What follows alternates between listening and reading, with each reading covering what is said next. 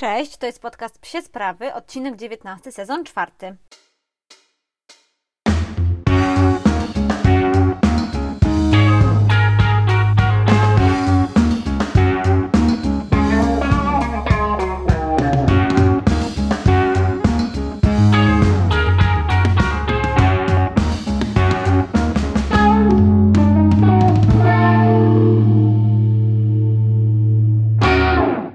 Jeśli słyszycie w tle jakieś ciąkanie, to nie ja, tylko Ozzy i Lemi. Ci byli super grzecznymi pieskami na spacerze, więc zrobiłam im taką popołudniową przekąskę w formie liki maty, więc sobie teraz widzę, że tam dolizują. Y, bardzo im się to podoba. W ogóle to jest niesamowite, bo kiedyś dla Oziego na przykład liki mata to byłoby coś, co jest trudne, więc on traci pewność siebie, traci zainteresowanie. Natomiast przy małym rzeczywiście on dużo tej pewności siebie nabrał. No i ogólnie te ćwiczenia, które robimy też dały mu dużo pewności pewności siebie, więc tak z dużą przyjemnością patrzę, jak słuchajcie, mój pies po prostu zjada sobie jedzenie z likimaty. Myślę, że wszyscy właściciele nieśmiałków e, tu mogą e, rozumieć, o czym mówię. A co u nas słychać poza tym? Słuchajcie, chciałam Wam się pochwalić, że wszyscy moi kursanci z mm, kursu jakby flyballu e, w Warsaw Bullets, czyli z taki tak jak zawsze Wam mówię, że młodzi u nas zdali egzamin. Y, jedni zdali lepiej, drudzy gorzej, natomiast wszyscy na pewno dali z siebie wszystko, włożyli w przygotowanie do niego dużo serca. Egzamin miał część teoretyczną i praktyczną, więc naprawdę był wymagający i to i te warunki, które też stworzyliśmy psom, to nie były takie bardzo wspomagane warunki, musiały się wykazać dużą samodzielnością i właściciele tak samo, więc naprawdę jestem z nich bardzo dumna i pozdrawiam ich wszystkich. Wiem, że niektórzy z nich mnie tutaj słuchają, więc jest mi naprawdę bardzo, bardzo miło, że mogłam być y, gdzieś tam przez chwilę Waszą przewodniczką y, w tym świecie Flybola. Bardzo Wam dziękuję, że, że byliście Wy ze mną na tym kursie. Y, no właśnie, więc cały czas trenujemy sobie do kolejnych zawodów, które już za tydzień. Tak, teraz te zawody były w bardzo krótkim odstępie czasu, ale no tak to jest, jeśli, jeśli mamy taką aktywną drużynę w Gdańsku, która chce organizować zawody. No i ostro trenujemy, staramy się te pieski jak najlepiej przygotować do startów, więc oczekujcie relacji z kolejnych zawodów. No dobra, nie chcę tutaj za bardzo przedłużać, bo i tak dzisiaj Wam troszeczkę więcej opowiedziałam o tym, co u nas słychać. Jeśli macie jakieś pytania, to oczywiście piszcie. Przechodzimy do głównego tematu tego odcinka, czyli jak nauczyć psa odpoczywania. To jest taki temat, który dla wielu osób jest bardzo trudny i rzeczywiście wiele, wielu właścicieli psów się z nim boryka, a to dlatego, że nasze psy są w dzisiejszym świecie przebodźcowane i przez nas i przez otoczenie, przez to, jak zachowują się inne psy, inni ludzie, e, ale też e, bardzo często przez to, jak po prostu wygląda nasze życie w mieście. I te psy w mieście, ale też te psy na wsi też bardzo często są e, w różny sposób przebodźcowane i w związku z tym ciężej im się odpoczywa. To jest trochę tak jak z nami, rzeczywiście pomyślcie sobie, że jeśli macie trudniejszy dzień w pracy, dużo bodźców was, was otaczało, dużo jakichś tam rozproszeń, to też czasem nie jest to takie oczywiste, że kładziecie się do łóżka i od razu zasypiacie, tylko rzeczywiście te myśli się gdzieś tam Was kotłują. No i z pieskami też trochę tak jest, że rzeczywiście ich e, rytm dnia jest uzależniony też od ilości bodźców, które je otacza. Sen pełni ogromną rolę w życiu psa, tak jak sobie pewnie wyobrażacie, pełni ogromną rolę w życiu człowieka. E, sen odpowiada za regenerację, więc nasz organizm psa w trakcie snu jest w stanie się zregenerować po trudach całego dnia. E, oprócz tego oczywiście jest to taki odpoczynek, czyli pies wtedy po prostu może nabrać sił, no i też relaks, czyli uspokaja się głowa. To chciałam jakby oddać przez, przez ten relaks, że w czasie snu ten, ten e, mózg psa rzeczywiście e, pracuje, pracuje nad powróceniem do stanu balansu, powróceniem do takiego spokoju i nawet jeśli dzień dla pieska był trudny, to pewnie często widzicie, że te pieski tam biegną przez sen, szczekają, chrapią. To też jest bardzo często spowodowane tym, że przez cały dzień pieski były prze, przebodźcowane i gdzieś tam to powraca do nich w trakcie snu. E, jedna taka rzecz na początek, bo dużo osób o tym pyta, czy budzić psa, jak mu się coś śni takiego strasznego według Was, jak jest taki właśnie jakiś rozruszany bardzo, e, rozemocjonowany, tak nam się wydaje w trakcie snu. No więc pies znajduje się wtedy w fazie REM, czyli takiej fazie najgłębszego snu, w której też paradoksalnie najbardziej odpoczywa i najbardziej się regeneruje. Więc pamiętajcie, żeby nigdy z takich snów piesków nie budzić, no bo rzeczywiście one w trakcie takiego, tej, tej fazy najbardziej odpoczywają. E, jeśli chodzi o ten sen, no to oczywiście, y, żeby on w ogóle miał miejsce, żeby pies mógł odpocząć sobie, a dla mnie to jest gdzieś tam równoznaczne, że pies odpoczywa zasypiając, on nie siedzi grzecznie i po prostu nie zastanawia się, nie rozmyśla nad życiem, no to konieczne jest poczucie bezpieczeństwa. Pamiętajcie, że Wy też nie zaśniecie raczej w miejscu, w którym się boicie. Wyobraźcie sobie, że jesteście w ciemnym lesie, a na przykład boicie się ciemności. No to raczej, y, no póki się nie zmęczycie tak, że ten sen przyjdzie totalnie naturalnie, to będziecie czujni, będziecie obserwować, co się dzieje, będziecie cały czas oczekiwać tego bodźca, którego się boicie. Więc pierwszy aspekt, który musicie zbadać, jest taki, czy wasz pies czuje się bezpiecznie i czy jego potrzeby są zaspokojone. To znaczy, czy wasz pies w miejscu, w którym oczekujecie od, jego, od niego odpoczynku, wasze mieszkanie, pokój hotelowy, w którym jesteście, namiot na zawodach, czy on się czuje tam bezpiecznie, czy on czuje się zagrożony, na przykład przez jakieś bodźce, przez które czuł się zagrożony w przeszłości. No i druga rzecz, oczywiście, czy jego potrzeby są zaspokojone. To znaczy, czy dostał odpowiednią dawkę ruchu, czy jego głowa w odpowiedni sposób się zmęczyła, czy nie jest głodny, czy nie jest właśnie przestraszony i kolejna sprawa, przede wszystkim, czy coś go nie boli. Ja wszystkim osobom, które gdzieś tam się do mnie zgłaszają, pytają, że mój pies jest reaktywny, mój pies jest nadaktywny, mój pies szczeka, chodzi po całym domu, nie może się uspokoić. Pierwsza rzecz, o której mówię, a nie jestem behawiorystą, więc staram się nie udzielać jakichś bardziej e, dogłębnych porad behawioralnych, jest taka, że ja pierwszą rzecz, którą zrobiłam, jak miałam problemy z Ozim, jak zaczęły się problemy z Ozim, to zbadałam go od stóp do głów. I ja cały czas go badam od stóp do głów, zwłaszcza jak widzę jakieś takie gorsze okresy, jeśli chodzi o jego zdrowie i o jego zachowanie, więc on jest, więc to jest, słuchajcie, taka po prostu podstawa, żebyście mogli stwierdzić, ok, to zdrowie już sprawdziłem, sprawdziłam, mogę przejść do następnych aspektów badania samopoczucia psa. Bo pamiętajcie, że pies przede wszystkim jest istotą, której samopoczucie i której zachowanie warunkuje także jego zdrowie. A jeśli psa coś boli, coś go gdzieś tam uwiera, czuje się niepewnie z jakimś aspektem swojego życia, na przykład, nie wiem, wyobraźcie sobie, że odczuwa jakiś dyskomfort w nodze, tak? Boli go noga. No to ciężko mu będzie znaleźć poczucie bezpieczeństwa w miejscu, w którym się kładzie i ta noga go boli. No go to denerwuje, że ta noga go boli, tak? Więc on chodzi, on chce ją trochę rozruszać. W tym sensie on nie rozumie, że on rozrusza nogę, mam nadzieję, że to wiecie, tylko chodzi o to, że on szuka dla siebie pomocy, szuka jakiegoś rozwiązania swojego problemu, no ale niestety nie ma jak go znaleźć, nie wie jak go znaleźć. Podsumowując, zaczynamy od kompletnie kompletu badań. Co to znaczy komplet badań? Na pewno y, sprawdzenie takie fizjoterapeutyczne psa bardzo pomoże, a fizjoterapeuci bardzo dużo napięć są w stanie znaleźć. Oczywiście komplet, taki podstawowy komplet badań krwi plus USG jamy brzusznej to taka totalna, totalna podstawa, od której powinniście zacząć. Więc jeśli sobie to sprawdzicie i też zweryfikujecie, że ten wasz piesek u was w domu czuje się bezpiecznie i te jego potrzeby są zaspokojone, możecie przechodzić do kolejnego etapu i dla mnie ten etap to jest właśnie taki trening odpoczywania, bo odpoczywać trzeba umieć. I to też nie jest tak, że pies, który przychodzi do nas w szczeniach, on defaultowo ma wgrany program odpoczynek i my nie musimy z tym już robić nic, puszczamy go wolno i niech on odpoczywa.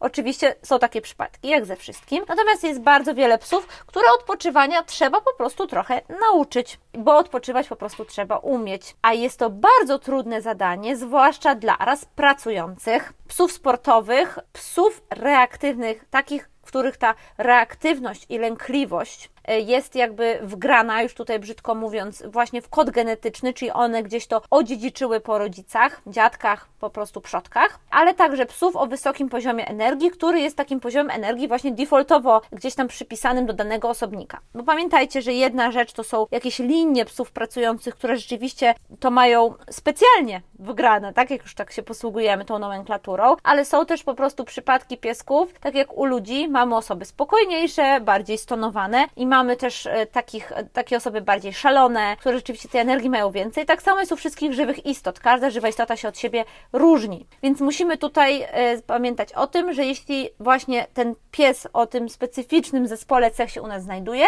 od początku pewnie będziemy musieli go uczyć odpoczywania. I od czego zaczynamy? Zaczynamy od miejsca odpoczywania. To musi być bezpieczne miejsce w domu. I słuchajcie, nawet najpiękniejsze, najdroższe legowisko, jeśli zostanie przez nas spalone, już powiem też, co to zaraz oznacza, to nie będzie dla psa bezpiecznym miejscem. Pomimo, nieważne jak będzie wygodne, jak będzie duże, mięciutkie, ile włożymy tam kocyków i tak dalej, to jeśli psu je skojarzymy źle, to nie będzie one dla niego bezpiecznym miejscem, a od tego zaczyna się właśnie odpoczywanie, od bezpiecznego miejsca. Więc takie legowisko powinno znajdować się z daleka od trudnych bodźców. Co to jest trudny bodziec? To musicie odpowiedzieć sobie e, na to pytanie, znając już waszego psa. Na przykład dla mojego psa trudnym bodźcem e, są e, w tym momencie drzwi balkonowe, no bo kiedyś mieliśmy jakoś tam gdzieś kiepską sytuację. E, ogólnie drzwi też to może być kiepski bodziec dla psa. Dla innego psa kiepskim bodźcem może być odkurzacz, nie wiem, samobieżny, który jeździ tam gdzieś po mieszkaniu, więc taki odkurzacz powinien omijać to miejsce, gdzie on się znajduje, jeśli on tam oczywiście jest. E, czasami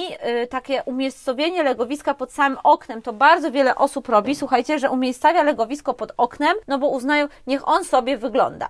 No nie może na, zrobić gorzej moim zdaniem, bo pies wyglądając, on nie wygląda ogląda, on nie patrzy w dal, obserwując ptaki i rozmyślając o wierszach Mickiewicza, tylko on kontroluje otoczenie i on sprawdza, a co tam się dzieje, co tam za jakiś się poruszył coś, a tam jest wiewiórka, a tam lata reklamówka, a tam jest jakaś pani. Oczywiście są psy, dla których takie bodźce, jakby na których one nie robią w ogóle żadnego wrażenia, natomiast większość psów, mając taki telewizor przed sobą, będzie się w niego po prostu wgapiało. Więc pamiętajcie, żeby to legowisko umieścić w takim naprawdę rozsądnym miejscu. Bardzo ym, wiele osób umieszcza legowisko w sypialni i to jest spoko, bo rzeczywiście sypialnia nawet nam ludziom to się kojarzy z takim miejscem odpoczynku, relaksu. Zwykle nie chcemy tam mieć zbyt dużo przedmiotów. Staramy się, żeby te miejsce było na przykład jakimś najbardziej, jeśli mamy na przykład dom, to to jest powiedzmy na piętrze, czy to jest gdzieś jakieś oddalone pomieszczenie. No, tak jak sami intuicyjnie czujecie, ta sypialnia jest i dla nas miejscem relaksu, więc my pod siebie ją układamy w ten sposób, w jaki moglibyśmy ją ułożyć dla psa. Więc sypialnia jest spoko miejscem. Na pewno jakiś róg taki danego pomieszczenia też jest dobrym miejscem.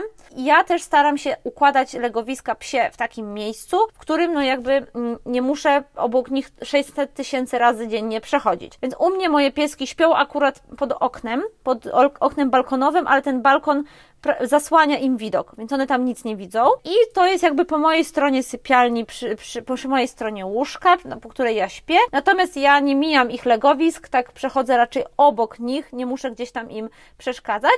I rzeczywiście to jest kąt, co więcej też legowisko Oziego jest schowane za taką dosyć sporą komodą, więc on tam ma swoją taką norkę.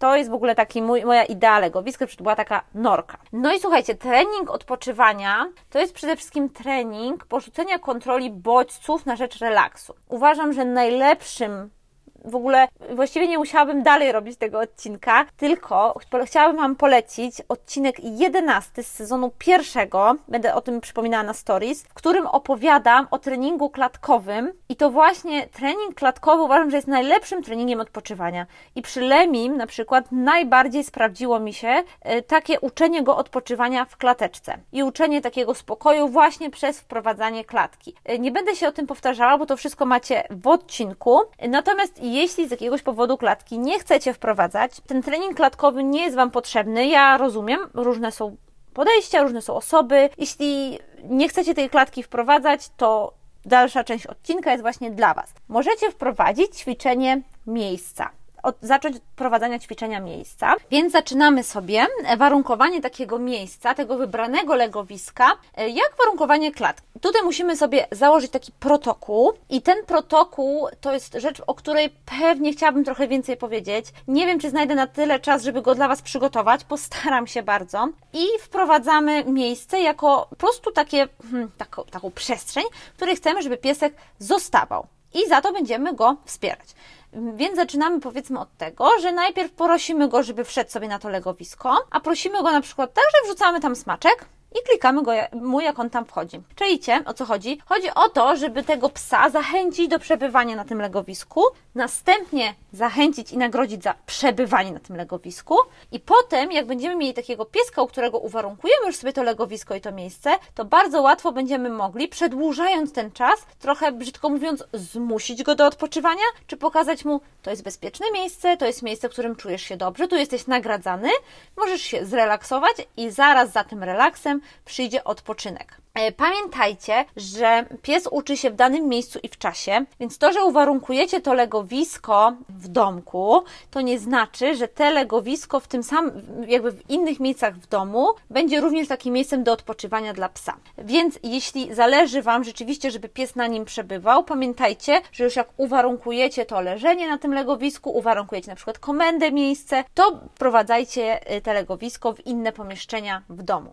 No i kolejnym krokiem Kolejnym krokiem jest oczywiście przenoszenie tego na zewnątrz. Ja aktualnie będę nad tym pracowała na przykład z Lemim. To jest taki, taki właśnie czas, w którym chcę to wprowadzić, więc ja mam taki plan, żeby po prostu kupić nowy kocyk, taką matę, który od początku uwarunkuje Lemiemu, że to jest miejsce, w którym on przebywa. Będę go to najpierw warunkowała w domu, i bo on już trochę komendę miejsce zna na swoje legowisko, więc planuję położyć, o, przyszedł właśnie do mnie, e, planuję położyć ten kocyk po prostu na legowisku, no i wiecie, naprowadzać go tam żeby robił miejsce.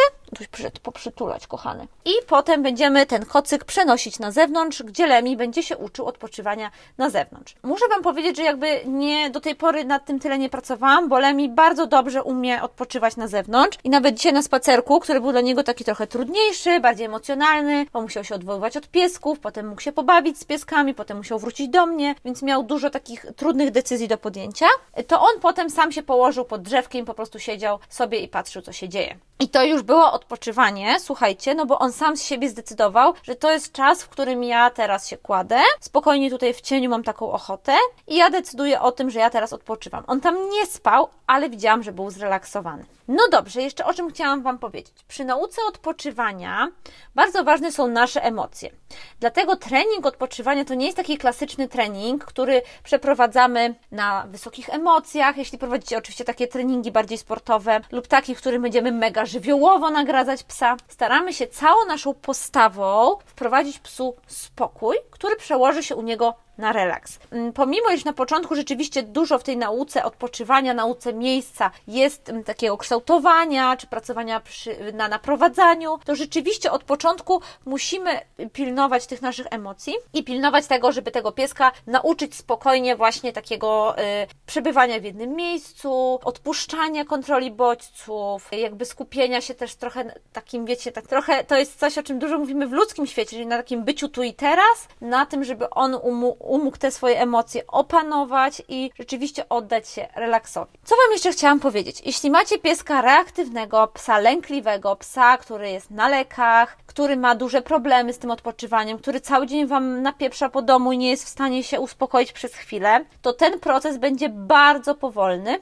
od razu to sobie załóżcie, przygotujcie się na to, tak Wam będzie łatwiej. A nawet będzie wymagał włączenia leków. Niestety w dzisiejszych czasach, tak jak Wam mówiłam na samym początku, nasze pieski są tak przebodźcowane i my od nich tak wiele wymagamy, spotkania z tyloma bodźcami na co dzień, że nie zawsze ta psia psychika daje radę. Zresztą tak jak nasza psychika. I tak, słuchajcie, jak to nie jest nic złego, że my jako ludzie potrzebujemy opieki psychoterapeuty, psychiatry i potrzebujemy włączenia leków w nasze codzienne życie, tak samo to nie jest nic złego, i jeśli trochę o tym więcej poczytacie, dowiecie się, e, to nie powoduje też jakichś katastrofalnych skutków ubocznych, to wprowadzenie leków czasem zostaje jakimś tam naprawdę ważnym krokiem w nauce tego, y, nauce odpoczywania, właśnie takiego reaktywnego, lękowego psa. E, dlaczego o tym mówię? Chciałabym, żeby ten mit trochę został odczarowany i żebyście też pomyśleli o tym, że jeśli wasz pies nie jest w stanie się sam uspokoić i ten trening przez długi czas nie będzie przynosił rezultat i ten piesek rzeczywiście będzie się po prostu męczył, to warto mu pomóc i warto pomóc mu też farmakologią.